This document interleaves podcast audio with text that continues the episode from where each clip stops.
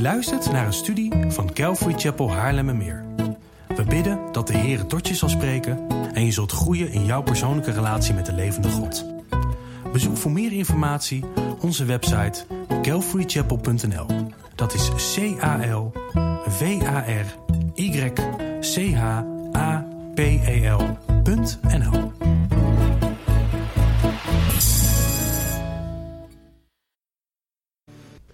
Voordat jullie eh, je Bijbel openslaan op het boek Jona. Ik weet, het meeste van jullie is misschien wel opgevallen. Vorige week waren er eh, twee bezoekers die na de dienst eh, met mij wilden komen praten. En ik heb met hun een gesprek gevoerd hier zittend voor de kansel. Ik had namelijk gedacht dat dat gesprek met een minuut of 10, 15 klaar zou zijn. Dat bleek iets anders te lopen. Eh, zoals jullie waarschijnlijk ook gezien hebben, degenen die er waren, was ik erg boos. Ik was echt. Eh, ik ben niet vaak zo boos geweest in mijn leven. En dat had niks te maken met de, de personen persoonlijk die er waren. Dat waren hele lieve mannen. Maar wat zij, zij wilden mij komen overtuigen, of zoals ze zelf zeiden, ze wilden mij laten zien wat er in het woord staat. En ze wilden mij overtuigen van valse leer. En niet zo'n beetje valse leer ook. Ze wilden mij vertellen dat de drie eenheid bestaat uit God de Vader, God de Moeder en God de Heilige Geest. Zij wilden mij overtuigen van het feit dat God de Vader zelf gestorven is in de vorm van Jezus Christus en niet Jezus Christus zelf. Zij wilden nog een aantal echt hele foute dingen uit de Bijbel wilden zij mij van overtuigen. Ehm, en daar werd ik echt heel boos over. Omdat het echt hele valse leer is die mensen van God zelf afhoudt. Dus ehm, vergeef me als ik misschien jullie gekwetst heb door mijn boosheid. Dat is nooit mijn bedoeling geweest. Maar de leer die er verkondigd werd, die was zo ontzettend fout dat ik niet anders kon dan boos worden. En deze, ik heb ze ook gevraagd om weg te gaan. Ehm, als zij een van jullie hadden aangesproken verder, had ik ook gevraagd, had ik ze verteld dat ze hun mond moesten houden en weg moesten gaan. Want deze leer was 80% kon ik het eens zijn met wat ze zeiden, maar de details die maakten dat hun hele theologie fout was. En wat dat doet, dit soort foute theologie, is het houdt mensen van God af. En God heeft Stan mijzelf de taak gegeven om deze gemeente te hoeden, om jullie theologie te verkondigen die overeenkomt met het woord. En het woord leert ons God de Vader, God de Zoon, God de Heilige Geest. Het woord leert ons dat God de Vader zijn enige geboren zoon zond en dat de Heilige Geest erbij was toen Jezus Christus voor ons stierf aan het kruis. Dat is wat het woord in al zijn eenvoud verkondigt. Niet iets anders. Dus de reden dat ik zo boos was, de reden dat ik ook zichtbaar boos was, was dat er echt hele foute dingen verteld werden door deze mensen waar ze mij van wilden overtuigen. Ehm Godzijdank is dat niet gelukt. Maar zij zijn ook niet meer welkom in, dit, in deze gemeente totdat zij dingen veranderen. Dat heeft niks te maken met dat wij onaardig willen zijn. Maar dat heeft te maken met de opdracht die ik net noemde, die wij van God hebben gekregen. Om gezonde leer aan jullie te verkondigen. Als je ziet hoe hard God in het woord is tegen valse leer, kunnen wij daar niks tegen inbrengen. Kunnen wij niet anders dan daar bijbels hard en duidelijk over zijn. Dus ik wilde dat even met jullie delen. Eh, het gaat weer goed met me, ik ben weer rustig. Het had even geduurd. Ehm, maar dan weten jullie wat er gebeurd is en waarom er ook gebeurde wat er gebeurde. Dus dat, dat zijn de minder leuke dingen van de opdracht die God je soms geeft. Maar, speaking of opdrachten die God geeft, sla je Bijbel alsjeblieft open op het Bijbelboek Jona. Ik heb nog één leenbijbel hier van iemand die mee wil lezen. Niemand? Oké. Laten we samen naar Jona gaan kijken. We hebben vorige week het meest bekende gedeelte van Jona gezien. Jona zit ehm, na Daniel, na Ezekiel, na, of voor Micha. Ehm, en we hebben Jona in de walvis gezien. Ehm, we hebben gezien over de reis die Jona naar die vis toemaakte en wat ertoe leidde dat hij in die vis zat. We hebben gezien dat Jona bitter en boos was richting de Assyriërs en hoe diep die haat ging. Want hij was bereid om drie dagen en drie nachten in de maagsappen van een vis te zitten voordat hij toegaf aan de Heer. Zo boos en zo bitter was hij ten opzichte van deze mensen. En we hebben vorige week gezien dat Jona uiteindelijk toegaf. Hij werd uitgekotst door die vis Ehm, en was nu klaar om weer door God gebruikt te worden. Jona die was trots, was hard richting God. En God gebruikt mensen niet op, het, of niet op de manier zoals hij wil, op het moment dat wij zo zijn. God moest Jona eerst breken voordat Jona gebruikt kon worden. En we zien nu vanaf hoofdstuk 3 een gebroken Jona. Ondanks dat hij zichzelf weer ook in elkaar gaat proberen te zetten. In hoofdstuk 4 lezen we daarover. Maar Jona is in ieder geval ver genoeg gebroken dat God hem kon gebruiken. Dus we gaan vandaag zien hoe God Jona gebruikt en Jona's reactie op Gods werk. Vanwege de tijd zal ik niet eerst alles lezen, maar gaan we er gewoon van boven naar onder doorheen. Laten we de eerste drie versen van Jona hoofdstuk 3 lezen. Het woord van de Heere kwam voor de tweede keer tot Jona. Sta op, ga naar de grote stad Nineveh en predik tegen haar de prediking die ik tot u spreek. Toen stond Jona op, ging naar Nineveh overeenkomstig het woord van de Heere. Nineveh was een geweldig grote stad van drie dagreizen doorsnee. Heren, we danken u voor Jona, we danken u voor uw woord. Heren, spreek in alle eenvoud en alle duidelijkheid van uw woord tot ons. Overtuig ons van uzelf, overtuig ons, heren, van de dingen die wij nodig hebben. Spreek door mij heen, laat er niks van mij bij zitten. En doet u alstublieft uw werk. Heren, dat vragen we in Jezus' naam. Amen. God is ontzettend genadig. Dat weten we allemaal, maar dat blijkt ook hier uit wat we in Jona lezen. Want het woord van de Heer kwam voor de tweede keer tot Jona. God gaf Jona een nieuwe kans. Jona die had God afgewezen tot meerdere malen aan toe. En hij krijgt nu dezelfde opdracht nog een keer, of bijna dezelfde opdracht. In Jona 1, vers 1 tot en met 3 staat dezelfde opdracht: Sta op, ga naar Nineveh en predik. En dat staat hier in hoofdstuk 3, vers 2 ook. Maar God maakt er één klein verschil aan. Hij zegt: Predik de prediking die ik tot u spreek. Waar er in het begin iets meer vrijheid was, moest Jona nu heel nauw ingekaderd worden. Hele duidelijke grenzen, dit wel en dit niet. De opdracht is specifieker. En wat God hier zegt is voor ons ook belangrijk. Psalm 19, vers 8 leert ons dat Gods woord de ziel bekeert. Geloof komt door het horen van het woord van God, zegt Romeinen 10, 17. Dus al zou ik kunnen praten als brugman, zoals het Nederlandse gezegde gaat, dat betekent niet dat ik iemand tot geloof kan brengen. Alleen Gods woord kan iemands ziel overtuigen. Ik kan iemand in zijn gedachten misschien overtuigen, maar dat is niet genoeg. Want het hart is datgene wat bekeerd moet worden. En dat kan alleen God. Dus Jona en wij horen Gods woorden tegen mensen te spreken.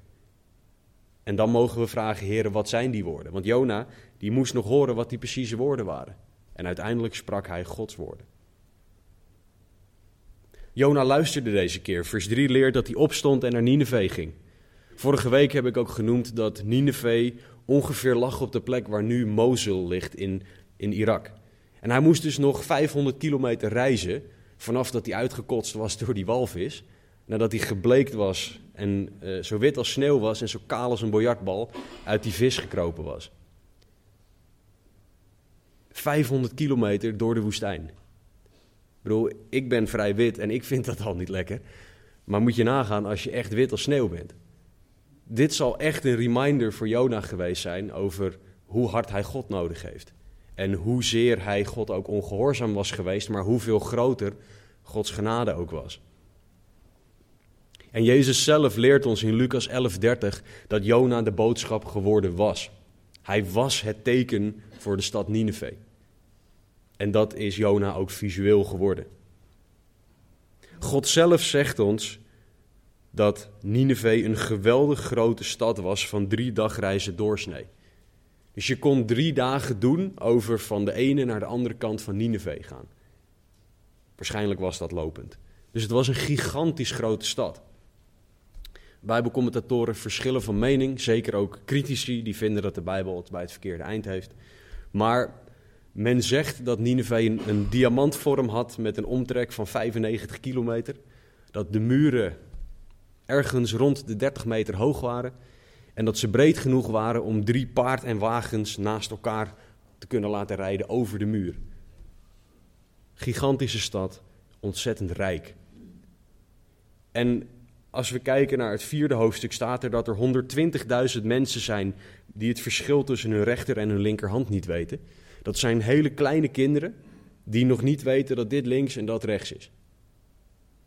En als je gaat kijken naar dat je 120.000 van dat soort kinderen hebt, dan heb je nog oudere kinderen, tieners, jongvolwassenen, volwassenen.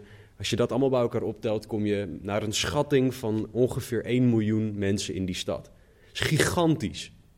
En daar werd Jona naartoe gestuurd. Dat was een stad vol afgoden, een stad vol vreedheden, een stad die lijnrecht tegenover God stond. En daar stuurt God Jona naartoe. Deze mensen hadden het menselijk gezien ontzettend goed voor elkaar. Ze hadden echter allemaal God, zijn liefde en zijn vergeving nodig. Deze stad had menselijk gezien alles. Maar ze hadden God niet. En Jona moest bereid zijn om te gaan waar God hem wilde hebben. En de vraag is of wij bereid zijn om te gaan waar God ons wil hebben. Of wij bereid zijn om Gods woord te spreken waar Hij ons wil hebben.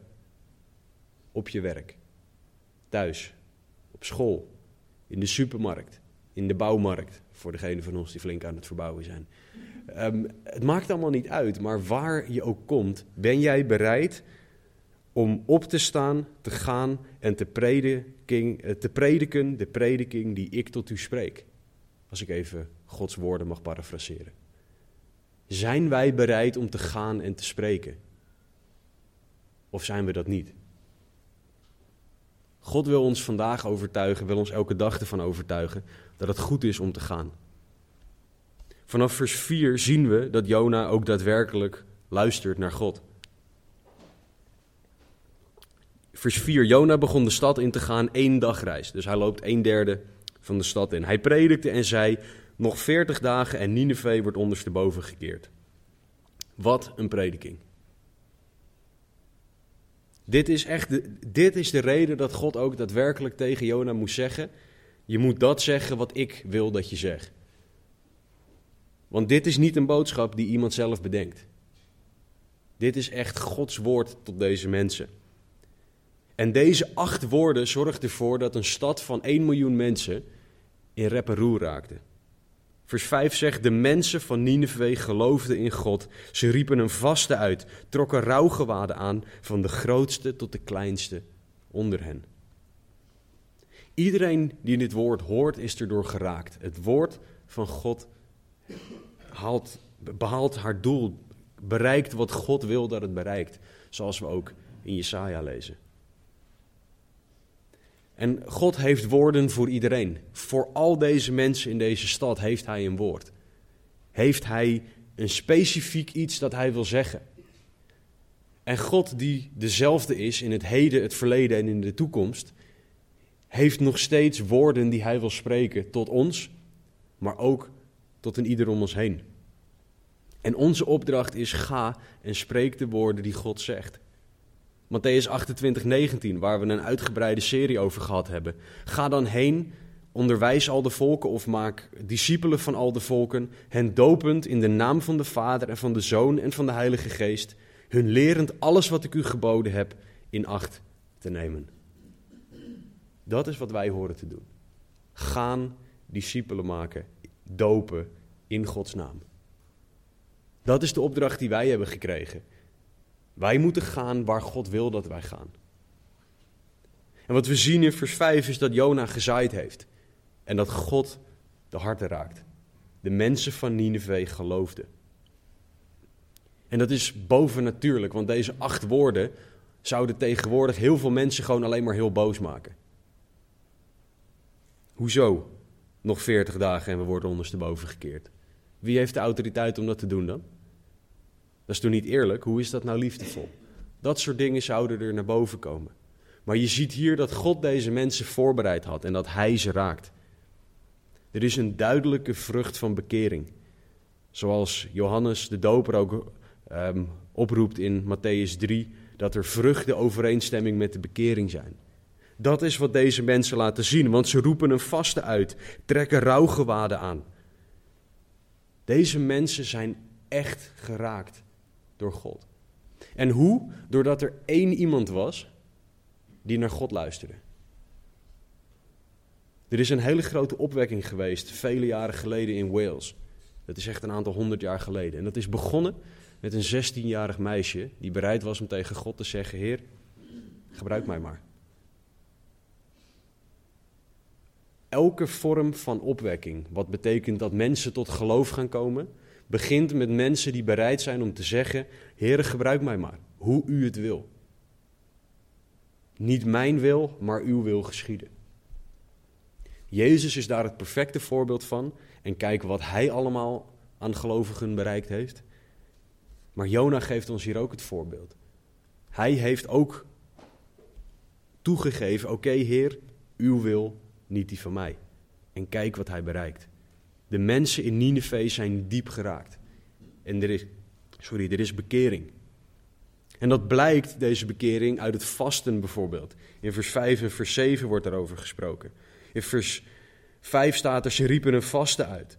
In vers 7 gaan ze nog een stap verder. In Nineveh werd op bevel van de koning en zijn rijksgenoten omgeroepen: Mens en dier, runderen en schapen, mogen niets eten, niet grazen en geen water drinken. Dit is heftig. Stel je hebt honderd koeien, hoe ga je ervoor zorgen dat al die honderd beesten niks eten en drinken? Dan ben je echt bezig met wat er aan de hand is. Met hoe ernstig de situatie is. Dan heb je door dat er iets heel erg fout zit. En vergeet niet, Nineveh was een rijke stad. Ze zullen hier alles aan eten gehad hebben wat ze maar zouden willen. Er zullen ook elke dag handelaren in en uitgelopen zijn met nieuw eten. En tegen al die handelaren moesten ze zeggen: Sorry, we zijn aan het vasten met z'n allen. Wat een boodschap is dat? Ja, maar waarom zijn jullie aan het vasten? Ja, God heeft, heeft gezegd dat als we niks doen, we over 40 dagen. Wat een effect heeft deze boodschap op deze mensen? Ze waren bereid om het levensonderhoud van mensen stop te zetten, als jij een boer was bijvoorbeeld, en te zeggen: we gaan allemaal vasten, ongeacht de kosten. Ze waren bereid om zo ver te gaan. Op basis van Gods woord. Er staat ook dat ze rouwgewaden aantrekken. In vers 5 staat er: ze riepen een vaste uit, trokken rouwgewaden aan, van de grootste tot de kleinste onder hen. Toen dat woord, de woorden van Jona, de koning van Nineveh bereikte, stond hij op van zijn troon, legde zijn statiegewaad af, zo'n woord dat we allemaal elke dag gebruiken, hulde zich in een rouwgewaad en ging in het stof zitten. In vers 8 de opdracht van de koning van Nineveh en zijn rijksgroten, mens en dier moeten in rouwgewaden gehuld zijn en met kracht tot God roepen. Zij moeten zich bekeren, ieder van zijn slechte weg en van het geweld dat aan zijn handen kleeft. Dit is nog eens bekering. Dit is berouw en bekering. Nineveh, rijke stad, ik heb het al een aantal keer gezegd, die zullen ook mooie kleding gehad hebben. De koning legt zijn statiegewaad af. Dat zal niet niks zijn. Dat zal hele mooie kleding zijn. En hij legt dat af en doet rouwgewaden aan. In de grondtekst komt dat neer op een woord dat wijst op een zak voor graan.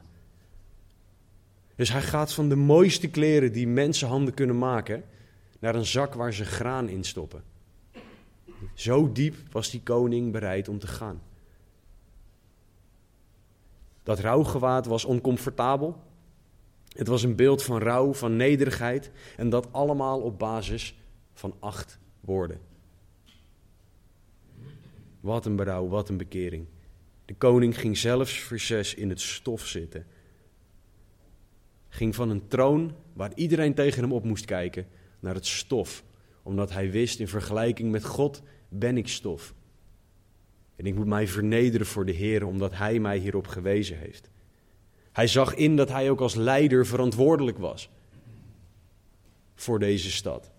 En hij gaf het goede voorbeeld van bekering. En het laatste wat ze deden was uiteindelijk in vers 8 een roep om bekering. Het Hebreeuwse woord is shoep. Ik zal het ongetwijfeld verkeerd uitspreken. Maar het wijst op je van iets naar God toekeren. Dat is wat deze mensen deden. En het staat in de continue vorm, dus niet een eenmalig iets, maar iets wat vaker gebeurt. Iets wat je vaker moet doen. Dus deze mensen hadden door, wij moeten ons bekeren en dat is een proces. Dat moeten we vaker door. Maar wat, wat kunnen wij hier nou van leren als christenen? Dit is niet Nineveh, duizenden jaren, honderden jaren voor Christus. De woorden van God zetten deze mensen ten eerste aan tot actie. Ze deden niet meer hetzelfde als wat ze voorheen deden. Berouw en bekering horen ons aan te zetten tot handelen. En dan niet hetzelfde doen, maar iets anders doen. Ons leven als christenen, of als wanneer wij tot geloof komen, wanneer God ons op iets wijst, kan niet meer hetzelfde blijven. Dingen moeten anders. Misschien moet je iemand om vergeving vragen die jij gekwetst hebt. Misschien, je moet zeker weten God om vergeving vragen. Misschien zijn er tranen, is er verdriet, maar bekering doet iets met de mens. Wij horen iets te gaan doen en sowieso iets anders dan voorheen. Het tweede wat we kunnen leren is dat deze mensen het uitroepen naar God. Een onderdeel van bekering is namelijk beleiden van wat je gedaan hebt. 1 Johannes 1, vers 9 legt ons uit hoe bekering werkt. Als wij onze zonde beleiden, zegt dit vers, Hij is getrouw en rechtvaardig om ons de zonde te vergeven en ons te reinigen van alle ongerechtigheid. Beleiden in het Nieuwe Testament is hetzelfde zeggen als iemand anders. Dus wij moeten hetzelfde over onze daden zeggen als God. Wij zeggen namelijk, ah, maar dat is niet zo erg. Maar zij doen het ook. Het maakt niet zoveel uit. Nee, God zegt het is zonde. En beleiden is dan, Heer, u zegt dat het zonde is, daarom zeg ik dat het zonde is. We moeten beleiden tegen God dat Hij gelijk heeft en een specifieke daad als zonde benoemen. Want heel vaak zijn we geneigd, zeker ook als ik naar mezelf kijk, ja, Heer, vergeef me mijn zonde. Ja, welke dan? Er zijn er zoveel. We, moeten specifiek benoemen, Heer, vergeef me dat ik gelogen heb. Vergeef me dat ik X, Y, Z gedaan heb. En dan ons bekeren. We moeten erkennen dat alleen God zonde kan vergeven en dat Hij vrij kan maken. We moeten erkennen dat Zijn kracht toereikend is voor reiniging en vergeving. En de mensen in Nineveh erkenden dit en hoopten het volgende. In vers 9 staat er: Wie weet zal God zich omkeren, berouw hebben en zijn brandende toorn laten varen, zodat wij niet omkomen. In Jezus hebben wij de verzekering, de 100% garantie dat als wij Hem om vergeving gevraagd hebben, dat we voor eeuwig vergeven zijn. En dat we voor eeuwig bij God mogen zijn. Dat betekent niet dat God niet nog dingen aan ons gaat laten zien, maar daar mogen we dan bekering, daar mogen we vergeving om vragen, ons van bekeren en dan mogen we weer met een schone lei bij God verder gaan. Deze mensen in Nineveh gaven ons het, geven ons het goede voorbeeld. Want het derde punt, nadat zij dingen zijn gaan doen, nadat ze het uitgeroepen hebben naar God, is dat ze zich bekeren. En bekeren betekent dat je, je, dat je leven niet meer hetzelfde is. Je bent veranderd tot in het diepst van je wezen. In het Nieuwe Testament heet, is, het, is het Grieks woord dat daar gebruikt wordt, is metanoia. Dat betekent ergens anders over denken of met spijt van, over je zonde naar God keren. En dat, dat leidt tot radicale keuzes voor God. Ongeacht de kosten. Zoals deze mensen bereid waren om met 1 miljoen mensen niet te eten. Om hun dieren een rouwgewaad aan te trekken. Nogmaals, het voorbeeld van 100 koeien. Succes. En toch waren ze bereid om dat te doen. Ze waren bereid om handelaren die de stad inkwamen de deur te wijzen. En te zeggen: Wij eten niet.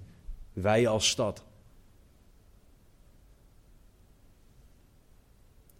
Ze zagen in dat iedereen zich moest bekeren van zijn slechte weg, vers 8, en van het geweld dat aan zijn handen kleeft. Ze erkenden wat ze fout gedaan hadden.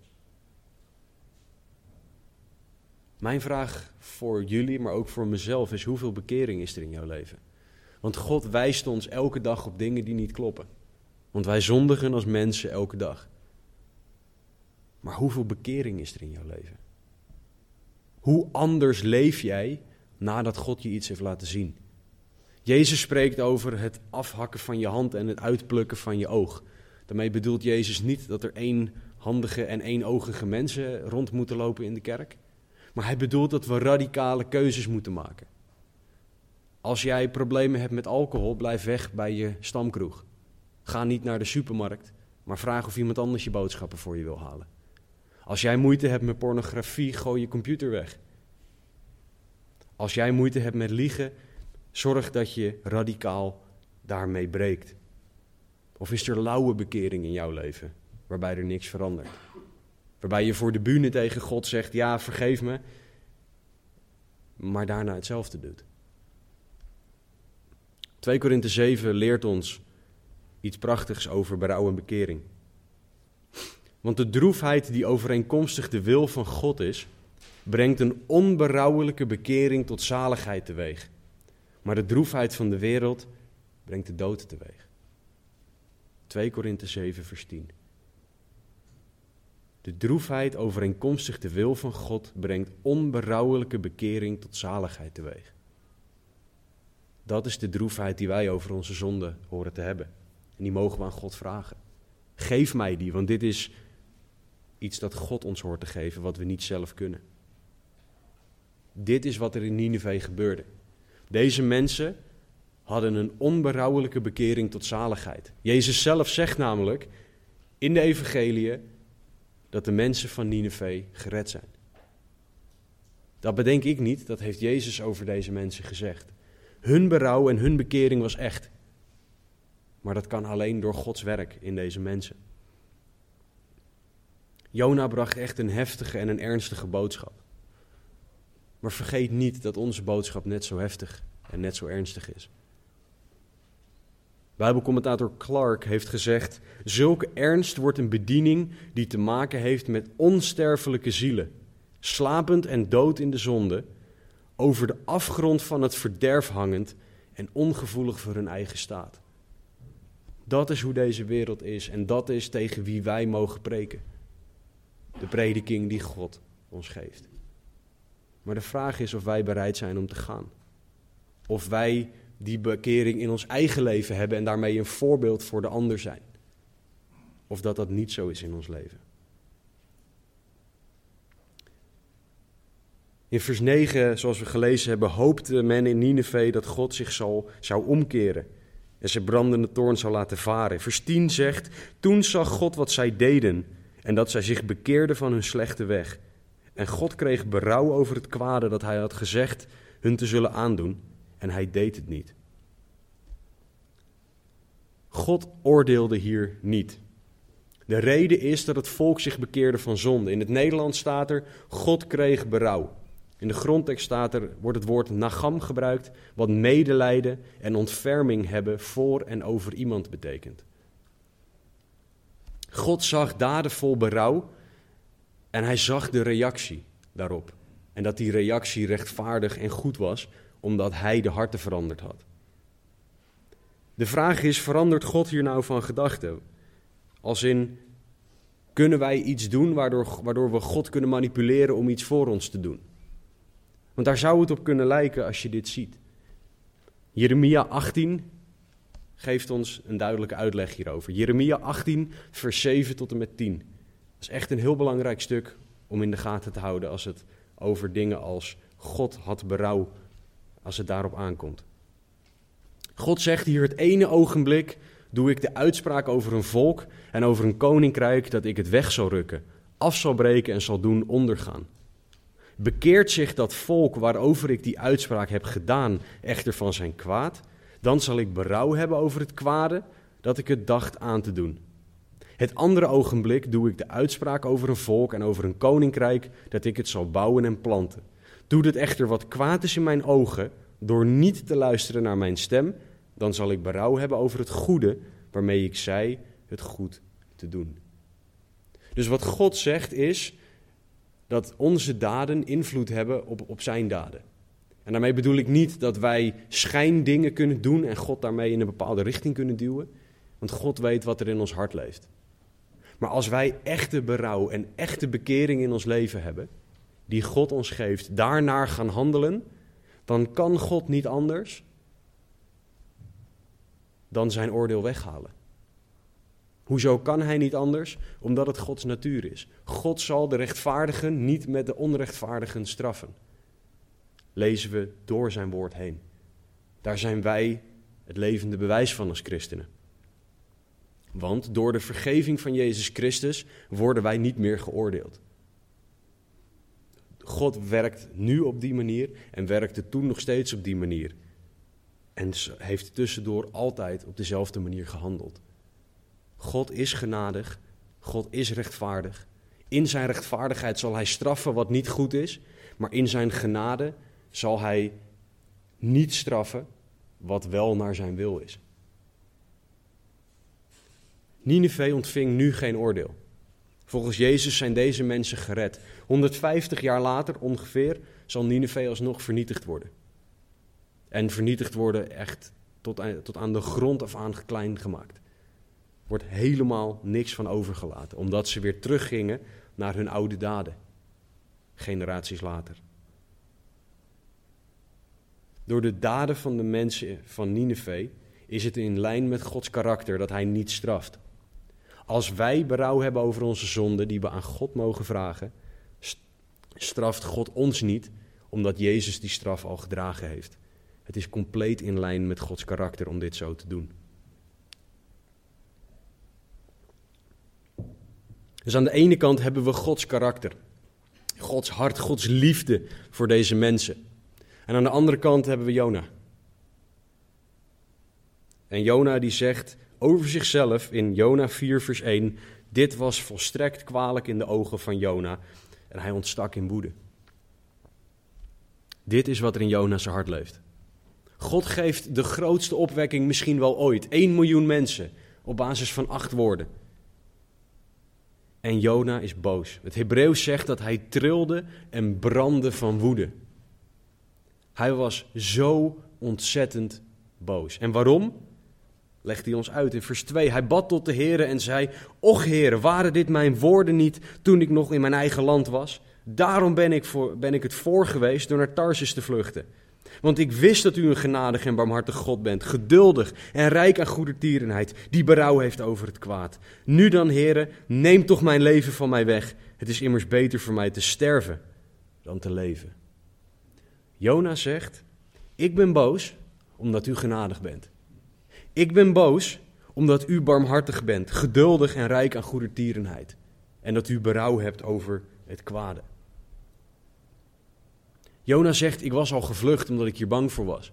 Zoek maar iemand anders om dit te doen, maar ik wil het niet. Jona is eerlijk tegen God, dat mogen we, dat is goed. Het is minder goed dat hij, en het is zo slecht, dat hij verblind is door zijn eigen pijn. En door zijn eigen gedachten.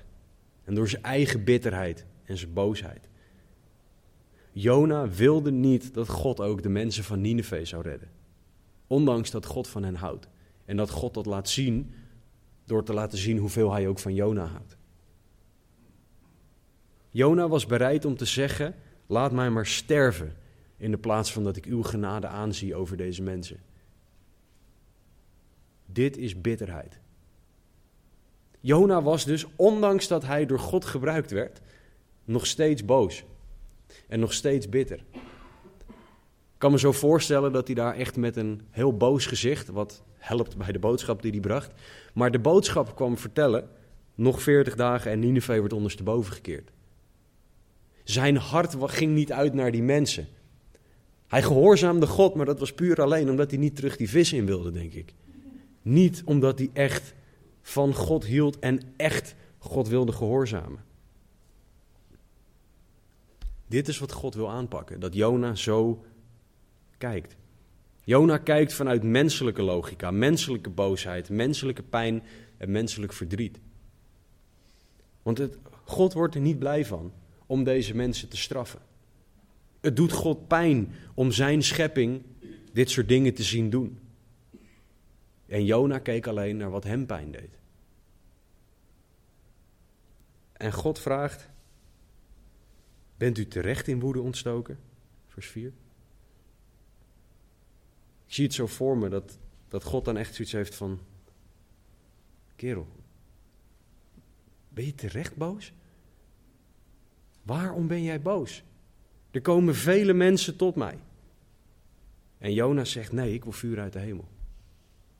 Ik wil oordeel zien.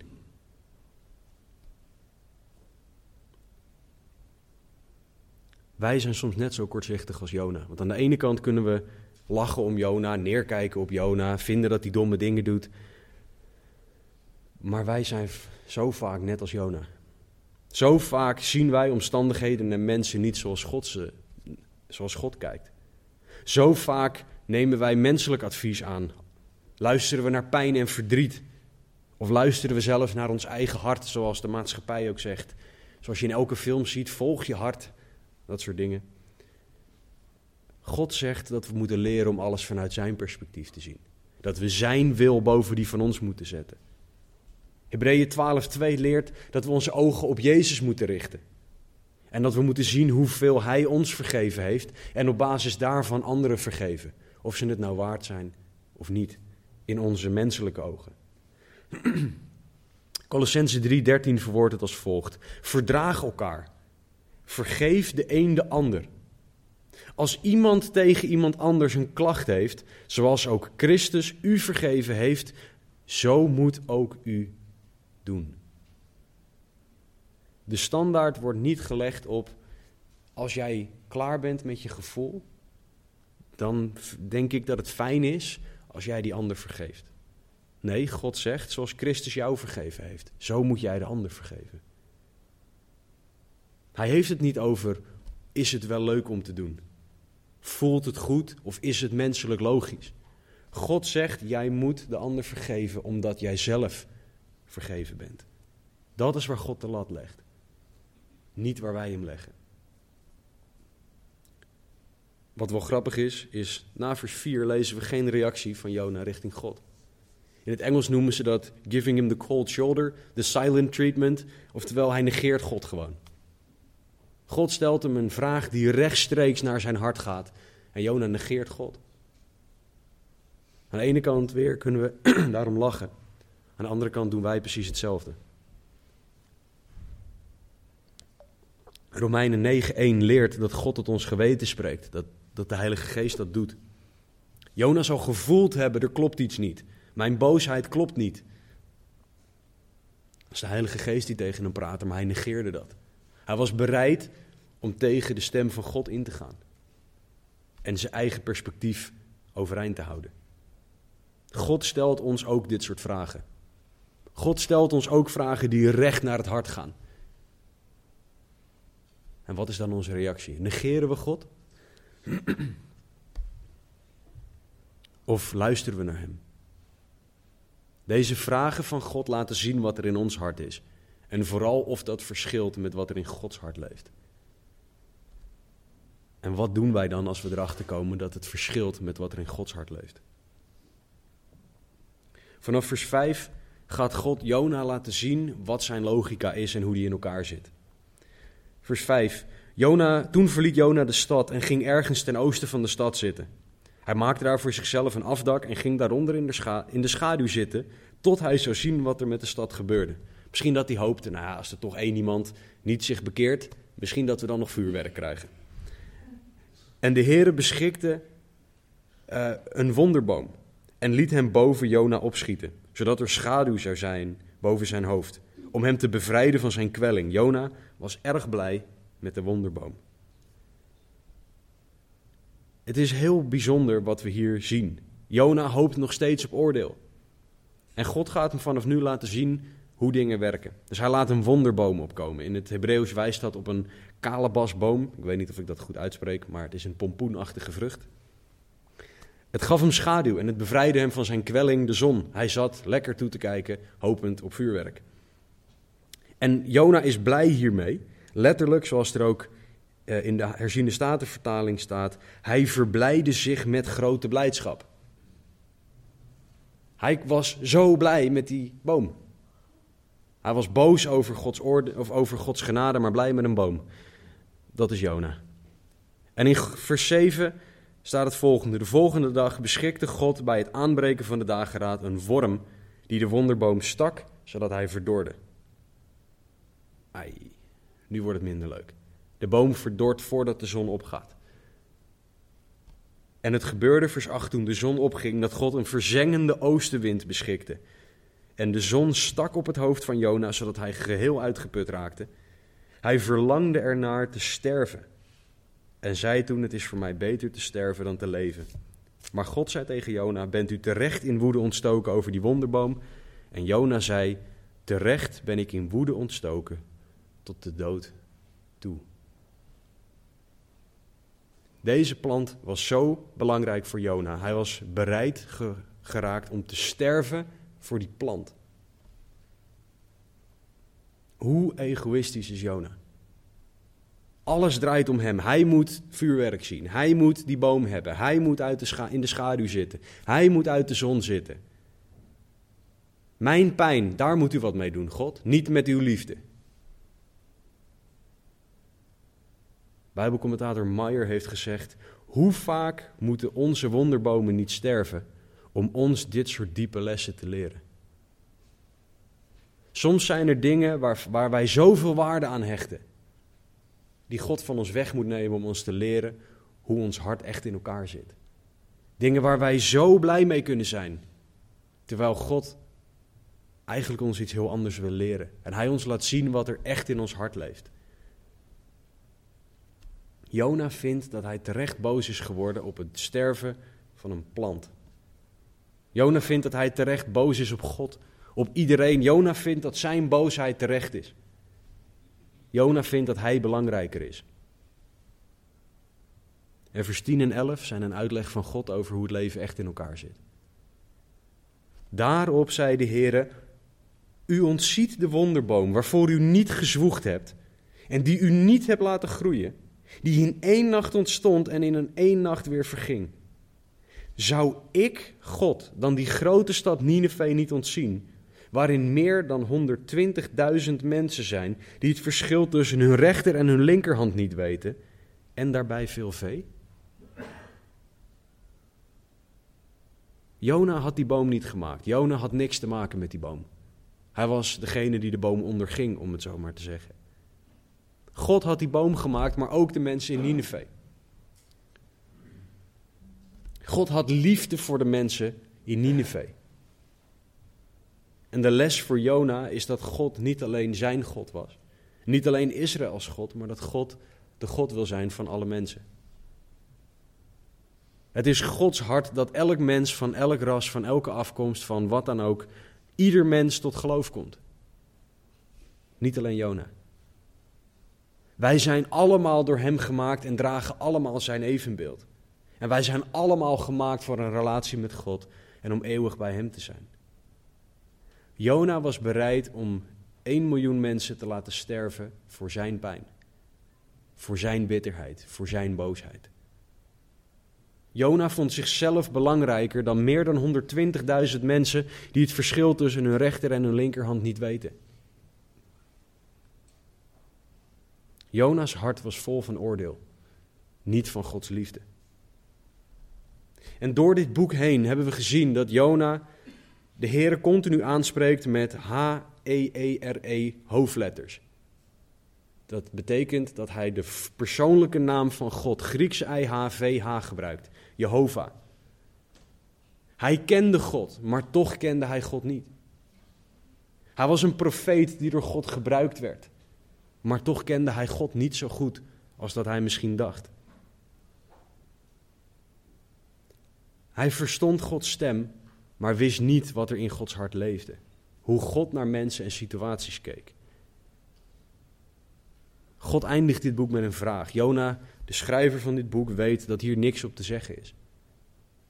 De reden dat het misschien een raar einde lijkt, is omdat Jona weet: ik kan alleen maar stil zijn. Want met zo'n vraag die zo diep tot het hart doordringt, laat God zien wat er in zijn hart is. En dat daar liefde en genade voor elk mens zit. De, de juiste reactie is stilzwijgend accepteren. En beseffen hoe groot hij is. God houdt van ieder mens, dat laat hij hier zien. Of jij nou van die mensen houdt of niet. Of jij ze nou aardig vindt of niet. In Jesaja wordt er gezegd dat Gods wegen hoger zijn dan die van ons. Jesaja 55. Oftewel, wij zullen niets altijd snappen wat God waarom, wanneer doet. Maar gaan wij mee met wat God doet? Of vinden wij dat God zich moet aanpassen aan ons denken? Aan ons hart en aan onze pijn? Het juiste voor de mens om te doen is om zichzelf ondergeschikt te maken aan God, aan Zijn wil en aan Zijn denken. Dat is wat wij nodig hebben om gebruikt te kunnen worden door God. Chuck Smith heeft gezegd: als je iets anders doet dan wat God wil dat je doet, creëer je alleen maar ellende en een hel voor jezelf. Je nodigt en lokt alleen maar een ramp uit over jezelf. God weet wat het beste is. Daarom onderwerp je daden aan Hem en volg Hem.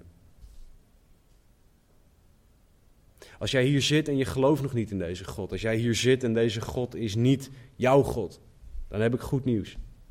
God houdt van jou. Net zoveel als de mensen van Nineveh. Net zoveel als van Jona. Net zoveel als in ieder die hier zit. En hij wil niet dat jij geoordeeld wordt voor de zonde die jij elke dag doet. Dat wil hij voor niemand. Ieder mens zondigt elke dag en verdient daardoor een oordeel, zegt ook Romeinen 6. En God stuurde zijn zoon Jezus Christus naar de aarde om die straf voor ons te dragen. De straf die wij verdienen, die ik verdien. En wij kunnen daardoor nu eeuwig bij God zijn. Dat is hoeveel Hij van jou houdt. Als jij Hem nog niet kent, neem Zijn offer aan. Accepteer wat Hij voor jou gedaan heeft en, en leg je leven bij Hem neer in gebed. Misschien ken je God wel, maar kijk jij niet naar situaties zoals God naar situaties kijkt. Misschien heeft God je vertelt wat je moet doen in een situatie, maar luister je naar menselijke logica. Luister je niet naar Gods gedachten, maar naar je eigen gedachten. Leg het dan bij God neer en laat Hem jouw denken, je doen en je laten sturen. In de plaats van pijn, verdriet, bitterheid, menselijke logica, etc. etcetera. Misschien ben je weggerend bij God. Misschien heeft God je een opdracht gegeven om persoon, die ene persoon te bereiken. En ben jij weggerend, keihard de andere kant op. Want Heer, ik wil niet dat u genadig bent over deze persoon. God is alwetend, jij niet. Misschien heb je geen zin, ben je bang, word je vastgehouden door pijn en verdriet, maar God wil die persoon ook bereiken. Je zal alleen maar, zoals Chuck ook gezegd heeft, een, alleen maar ellende en een hel voor jezelf creëren als je niet naar God luistert. Volg Hem, want dat is het beste voor jou en voor die ander. Onderwerp jezelf aan God. Het aanbiddingsteam zal naar voren komen en zal ons nog leiden in twee liederen. Ga bidden, vraag God wat Hij wil zeggen tot jou, want Hij wil, hij wil heel veel zeggen tot jou. Er zijn een aantal mensen die keycords om hebben, daar kan je mee bidden. Die zullen aan de achter- en de zijkant van de zaal staan. Maar ga niet weg als jij wil bidden met iemand, want we hebben allemaal gebed nodig. Maar om, ga niet weg zonder met iemand gebeden te hebben. Want aan de, ene, aan de ene kant kunnen we lachen om Jona. En om de domme dingen die, die hij doet. En drie dagen in de maagsappen van een walvis. Maar aan de andere kant is het bittere ernst. Want God wil ons gebruiken net zoals hij Jona gebruikt heeft. God wil die miljoen mensen bereiken en jou daarvoor gebruiken. Maar de vraag is of wij bereid zijn om te gaan. Misschien moet er berouw en bekering in je leven zijn. Ga ervoor bidden met een van deze mensen. En misschien is er een hele andere reden waarvoor je wil bidden. Maar ga niet weg zonder dat iemand met je gebeden heeft. Want we hebben allemaal gebed nodig. Laten we bidden. Vader, dank u wel. Dank u voor uw woord. Dank u voor uw genade. Dank u voor uw liefde. Dank u voor uw goedheid en uw trouw, Heer. Dank u wel dat u zoveel beter bent dan dat wij kunnen bidden of beseffen. Dank u wel dat u het woord gegeven hebt en dat u een plan hebt met ons allemaal. Dank u wel dat uw liefde groot genoeg is voor ieder mens. En Heere, dank u wel dat u, ja Heere, de gever van liefde bent. Heere, wij hoeven niet zelf liefde op te wekken, maar wij mogen u om liefde vragen. Wij kunnen niet zelf bekering opwekken, dus geef ons bekering. Wij kunnen niet zelf bitterheid uit ons weghalen, haalt u het uit ons weg. Maar leid ons om bereid te zijn, alstublieft. Leid ons om open te staan voor uw werk. Dus Heere, spreek tot alle harten. Laat niemand zich bezwaard voelen om op te staan en om gebed te gaan vragen.